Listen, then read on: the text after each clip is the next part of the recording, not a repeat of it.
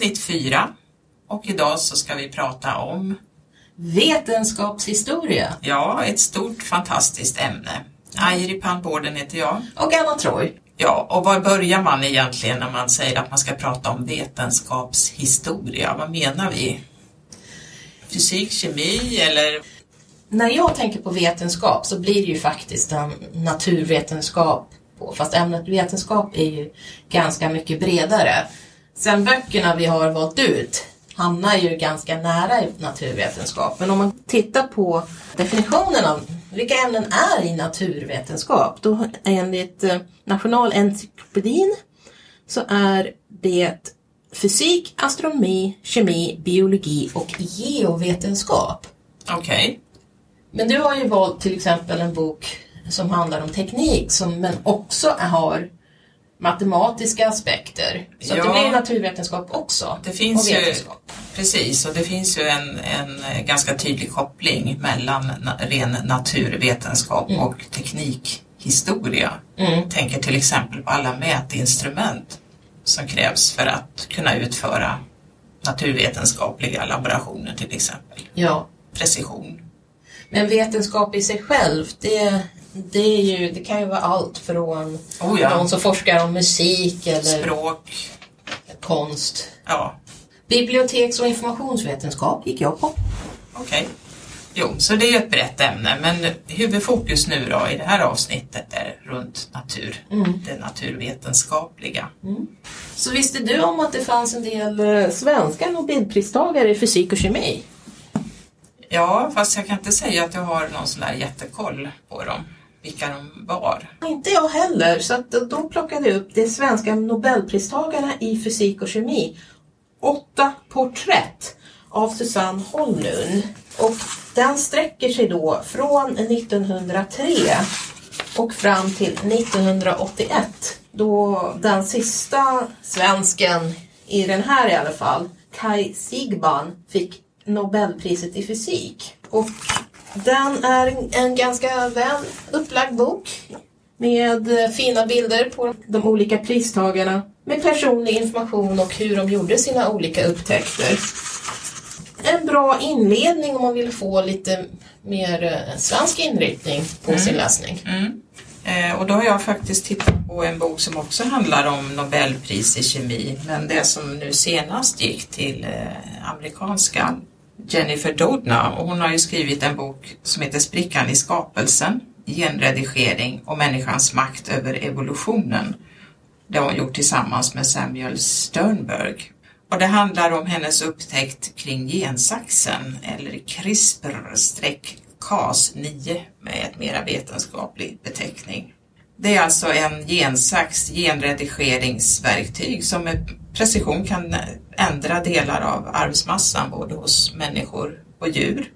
Och eh, för det här så fick hon ju då förra årets 2020s Nobelpris och det finns en lite rörande hemmavideofilm. Hon kunde ju inte komma hit för att ta emot priset men på Youtube så finns det då en hemmavideo som någon har hjälpt henne att göra när hon då väntar hemma hos sig på blankpolerade golv och leker med en katt för att hon, det ska komma någon svensk och ge henne priset och då står de i hennes trädgård.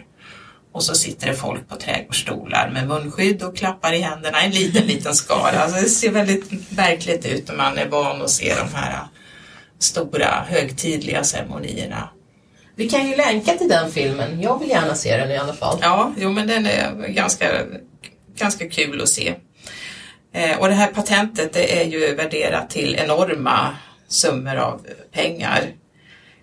Eh, därför det finns ju en, en stor potential att bota genetiska och andra sjukdomar som cancer till exempel. Men det finns ju också risker med missbruk. Man kanske kan tillföra nya ärftliga egenskaper hos eh, människan. Och idag så råder ju ett stort juridiskt krig kring rättigheterna till den här gensaxen. Och det beskriver hon ju då väldigt initierat hela den här resan till upptäckten. Ganska mycket detaljer men det är ju ändå en, en spännande och, och läsvärd bok. Och hon kommer också in på framtiden och diskuterar etiska och juridiska aspekter just kring missbruk. Hon frågar sig till exempel, nu har jag ett citat här, Givet att vi kan redigera den mänskliga arvslinjen betyder det att vi bör göra det. Det är en fråga som jag ställt mig själv många gånger. Om CRISPR verkligen kan hjälpa vissa föräldrar att få ett barn som är fritt från sjukdom när inga andra alternativ finns. Och om det kan göras på ett säkert sätt, bör vi då använda tekniken? Så här ser man ju forskarens dilemma kommer fram, alltså att man hittar och utvecklar någonting som kan hjälpa människor men som samtidigt kan få hemska konsekvenser i skrupelfria händer och om det är mycket kommersiella intressen. Så det är en väldigt intressant bok på flera sätt. Ja, det är definitivt stor potential. Jag är inte hundra säker, men jag för mig att tekniken har använts i en av coronavaccinen. Just för att kunna skräddarsy för viruset. Men som sagt, jag är inte hundra när det gäller det. Mm. Men du sa att du hade en bok eh, om eh, teknikhistoria som hade med det här att göra. Eller med, som hade med matematik och mätning och sånt att göra. Mm.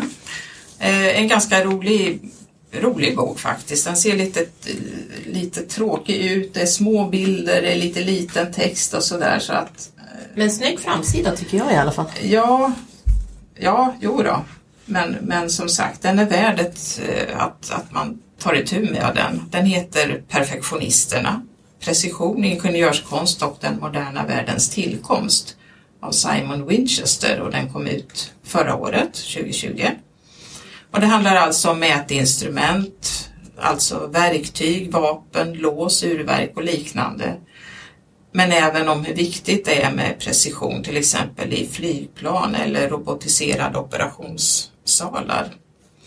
Och precisionens historia den går långt tillbaka i tiden, redan 200 år före Kristus så skapades faktiskt ett litet mätinstrument med en invecklad samling kugghjul för att förutspå framtida månförmörkelse och planetrörelser. Det här har man alltså hittat. Och eh, moderna forskare har konstaterat att delar av instrumentet som heter antikutera-mekanismen, mm, jag res reserverar mig för uttalet här, den har faktiskt en precision på några tiondelars millimeter. Det är ganska fantastiskt. Ja, den är som en liten minidator. Jag har sett eh, rekonstruktioner av den här. 200 år före Kristus alltså. Ja. Sen finns det då en del roliga och fascinerande exempel i boken, till exempel Brahmas hänglås som gjordes sent 1700-tal av en 19-åring. Och det här hänglåset exponerades i ett butiksfönster med löfte om belöning till den som kunde dyrka upp det. Och det tog 60 år innan någon lyckades. Oj, oj, oj. Och belöningen det var, eh, som han säger här, då, värdet på belöningen det var, motsvarar en liten Merca, alltså i dagens värde. Menar du en Mercedesbil? Ja, precis. Ah, okay. ja. Och det var alltså en, en ung kille, en 19-åring, Henry Maudsley hette han. Och både han och den här Brahma blev berömda med tiden. Brahma till exempel uppfann reservoarpennan, den spolningsbara toaletten, en sedelräkningsmaskin och en metod för att hålla öl kall under tryck i en pubkällare. Och när var det här? Eh, sent 1700-tal så börjar man. Ja, ja. ja så det, den, är, den är rolig, full med anekdoter och spänstigt skriven. Mm. Så det är liksom ingen tung bok. Ja, vill man ha lite mer, lite bredare översikt över fysikens historia så rekommenderar jag Den moderna fysikens genombrott. Upptäckterna och människorna bakom av Jörgen Sjöström. Den går igenom med diverse olika upptäckter och vad som låg bakom att de upptäcktes då. Till exempel upptäckten av elektronen, vägen mot kvantmekaniken, kosmologin vid vetenskap och upptäckten och en hel del annat. Även om naturvetenskap och vetenskap kan verka ganska kall och omänsklig så är det ju människor bakom. Och ibland handlar det liksom om bara om snubbelsteg och mm. tillfälligheter. Mm. Det klassiska är penicillinet till exempel. En man upptäcker att mögel funkar att ta död på bakterier. Man kommer på saker av, av en slump. Ja. Ungefär som när man lagar mat. Ja, faktiskt. Mm, det, är ju, det är ju en slags eh, recept. Jag tänkte på att eh, när man tittar i de här böckerna så stöter man ju på en massa begrepp som man kanske inte har helt klart för sig men som man ändå hör lite då och då. Till exempel Skrödingers katt eller Ockhams rakkniv. kaosteori, relativitetsteori, placeboeffektspelteorier och så vidare. Eh, och då finns det en bok som heter Teorier på 30 sekunder. De 50 mest tankeväckande vetenskapliga teorierna var och en förklarad på en halv minut. Och det är en redaktör som heter Paul Parsons som har sammanställt den här. Och upplägget har ju gått det är alltså att flera olika experter har fått eh, ett uppdrag att på två sidor, 300 ord och en bild förklara respektive teori. Och så är det lite porträtt av några vetenskapsmän, ingen kvinna, utan det är Einstein, Freud, Darwin med flera. Och så finns det förstås en ordlista eh, till varje avsnitt. Den här redaktören han har tidigare jobbat vid en tekniktidskrift och han skriver här att han fick dagligen brev från läsare som menade att de nu löst gåtorna kring svarta hål, parallella universum eller livets ursprung. Tyvärr utan att bifoga sina beräkningar.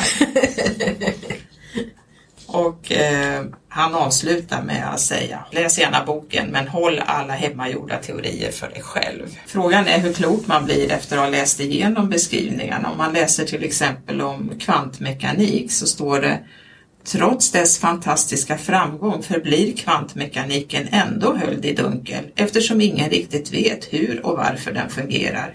Något som är unikt bland de vetenskapliga teorierna. Så där blev vi inte mer, något klokare precis.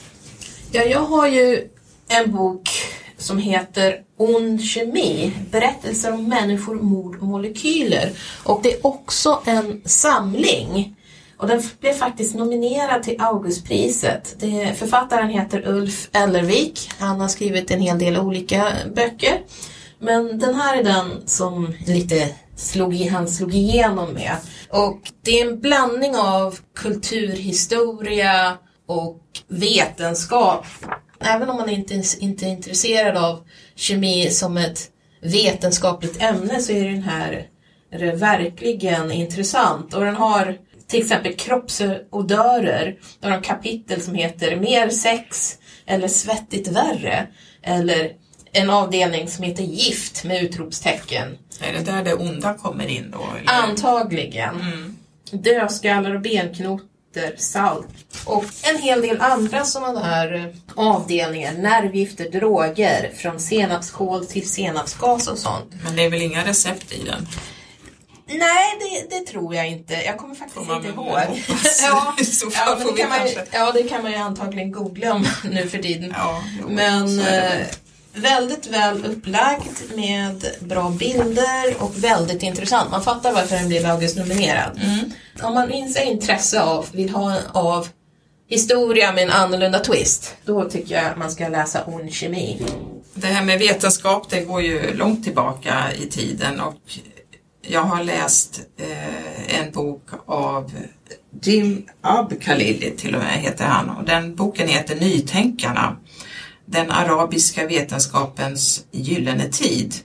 Och författaren är teoretisk fysiker och han har också gjort en populärvetenskaplig tv-serie för BBC. Och han menar att när man pratar om medeltiden så är utgångspunkten ofta att det är den mörka och oupplysta tiden men i själva verket så kallar han den för en gyllene epok. Och eh, under, under 700 år, alltså 700 till 800-talet, så var arabiska det internationella vetenskapliga språket. Och när han då pratar om arabisk vetenskap så syftar det alltså på språket arabiska som, som alltså var det vetenskapliga språket och inte på att vetenskapsmännen var araber. Han säger ju även kristna judar och perser använde sig av språket arabiska. Upptäckter och, eh, och teorier som kom fram under den tiden, det har ju senare vetenskapsmän, till exempel Descartes, dragit nytta utav. Så det här är ju en översiktlig historik, eh, 15-tal kapitel om utvecklingen av kemi, astronomi, matematik, fysik, medicin och även filosofi faktiskt. Och han håller en lättsam och vardaglig ton när han skriver. Och han gör en, eh, ett intressant statement här. Han, han påpekar att han är ateist ifall någon tror att han är citat en subjektiv svärmare som är ute efter att visa vilken underbar och upplyst religion islam är. Jag är ateist och följaktligen är mitt intresse för islam kulturellt och inte andligt. Jag undrar, skulle vi se en forskare från den kristna västvärlden försvara sitt ämne på liknande sätt? Nej, det skulle vi inte. Nej, Tyvärr. tror inte det heller. Eh, och den här Jim Al-Khalili, han har också ett kapitel i den här boken som jag nämnde om tidigare, teorier på 30 sekunder, där man förklarar olika begrepp. En av mina favoritböcker är Jakten på Venus av Andrea Wolf som är en fantastisk berättelse om en unik händelse i vetenskapshistorien. I mitten av 1700-talet så inleddes nämligen det första globala samarbetet mellan vetenskapsmän för att kunna räkna ut jordens avstånd till solen. Och det var för att man ville få en uppfattning om universums storlek. Och det var alla möjliga nationaliteter med här. Amerikaner, ryssare, fransmän, engelsmän, italienare, flera svenskar fanns bland observatörerna och i personregistret som avslutar boken så hittade jag också ett namn från Härnösand faktiskt. Du kommer inte ihåg vem det var?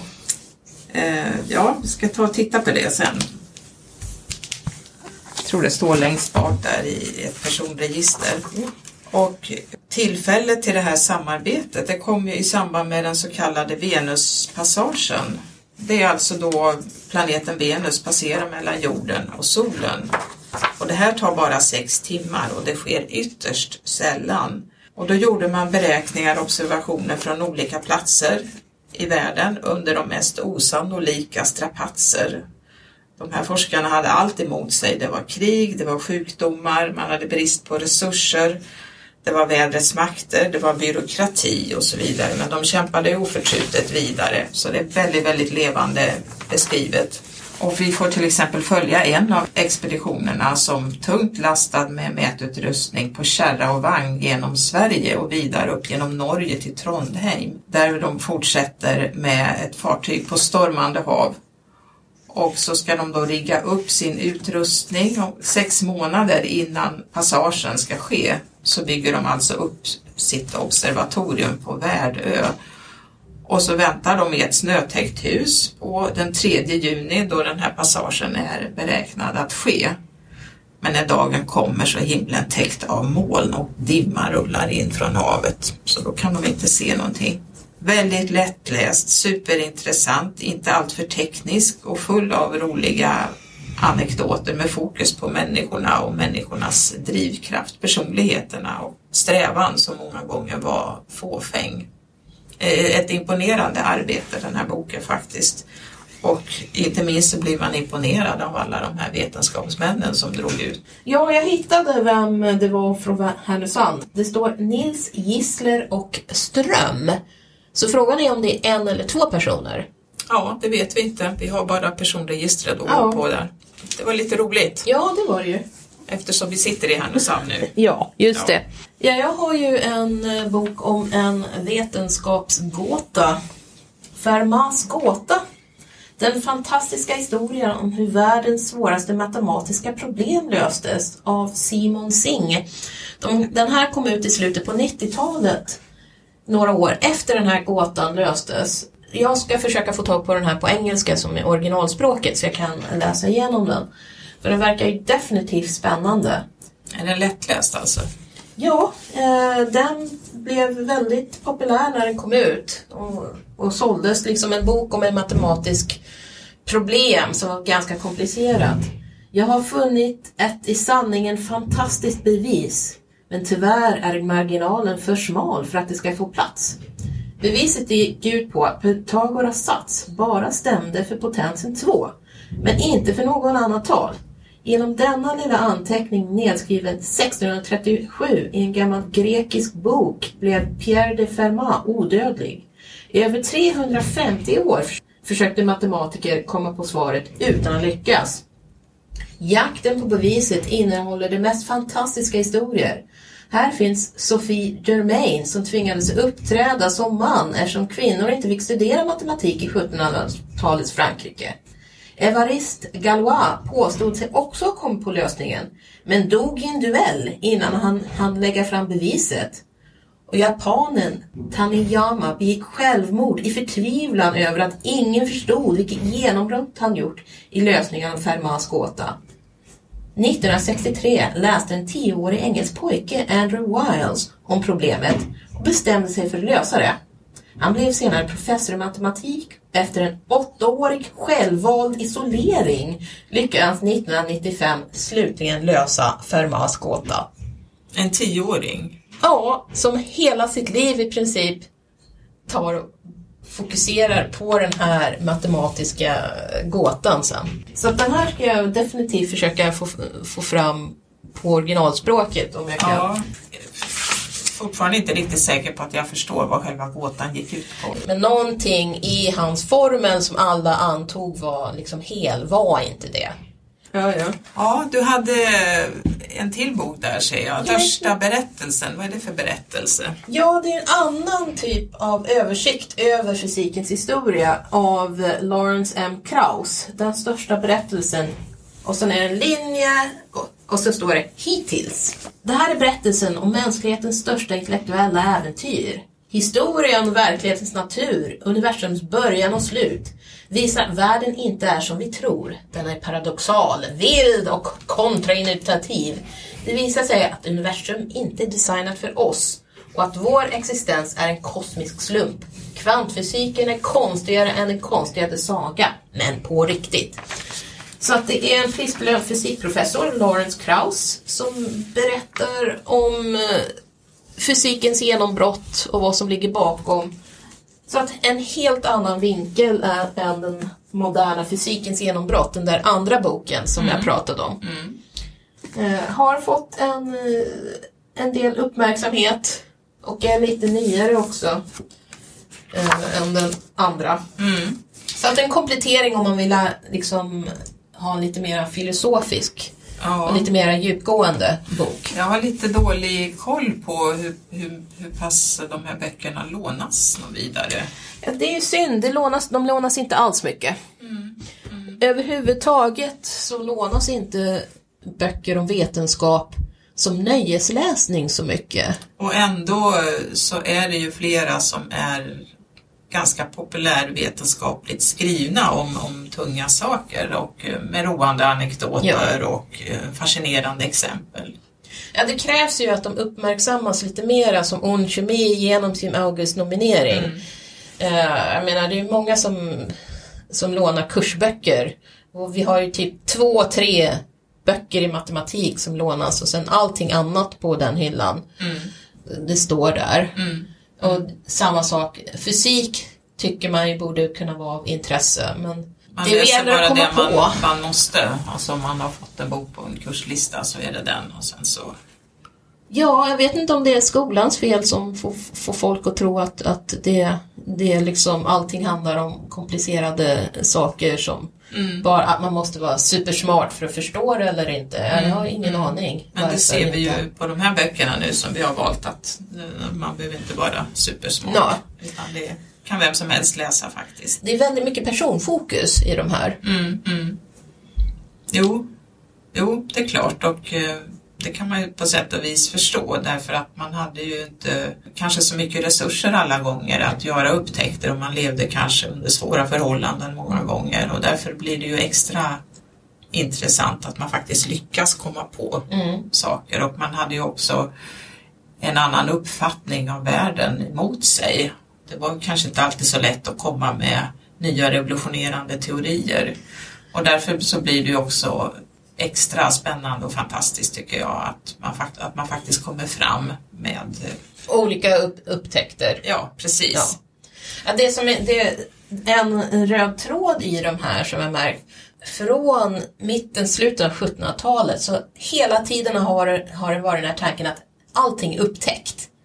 Och sen så att det finns liksom citat från ja, slutet av 1700-talet. Ja, det finns kanske en eller två små teorier som behöver bevisas men annars vet vi allting redan. Mm. Och sen är det genombrott och genombrott och sen kommer en period med mycket upptäckter och sen är det samma sak. Ja, vi vet allting, alltså det finns en atom och man kan inte dela på den.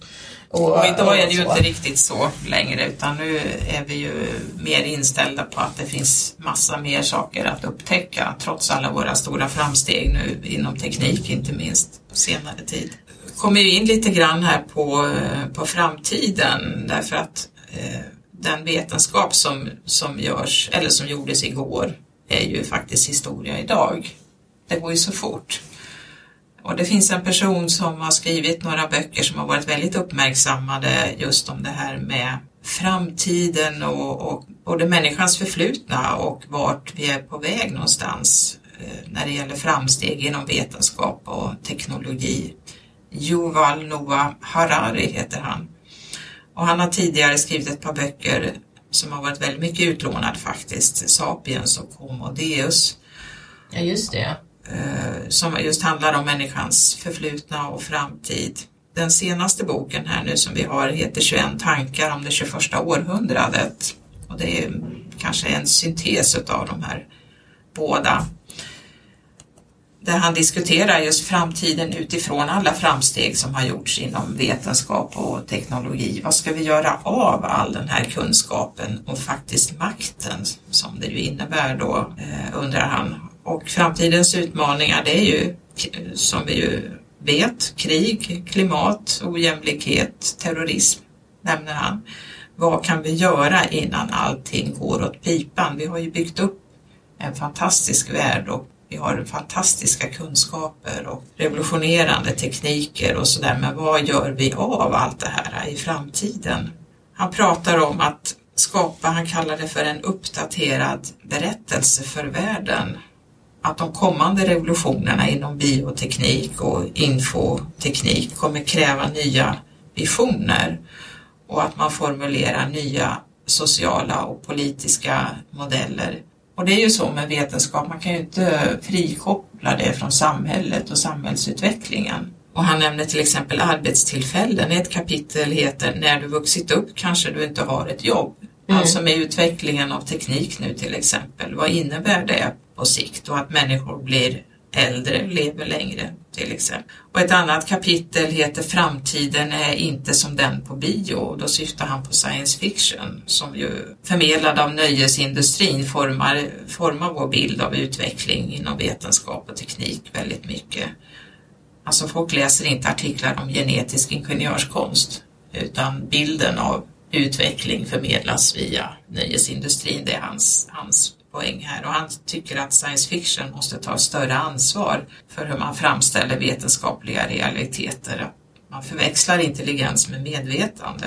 Och då har han ett exempel här, en, en film som kom för några år sedan som heter Ex-Machina där en AI-expert förälskar sig i en kvinnlig robot som eh, manipulerar honom så säger han då att egentligen så är inte det här en film om människors rädsla för intelligenta robotar. Det är en film om mäns rädsla för intelligenta kvinnor.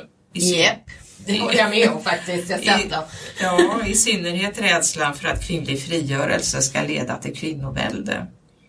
Och så frågar han sig varför ska en AI ha en köns eller genusidentitet överhuvudtaget? Det är en bok som är fullspäckad med tankeväckande funderingar som är kopplade till människans förnuft och tänkande. Så det är mycket intressant att läsa.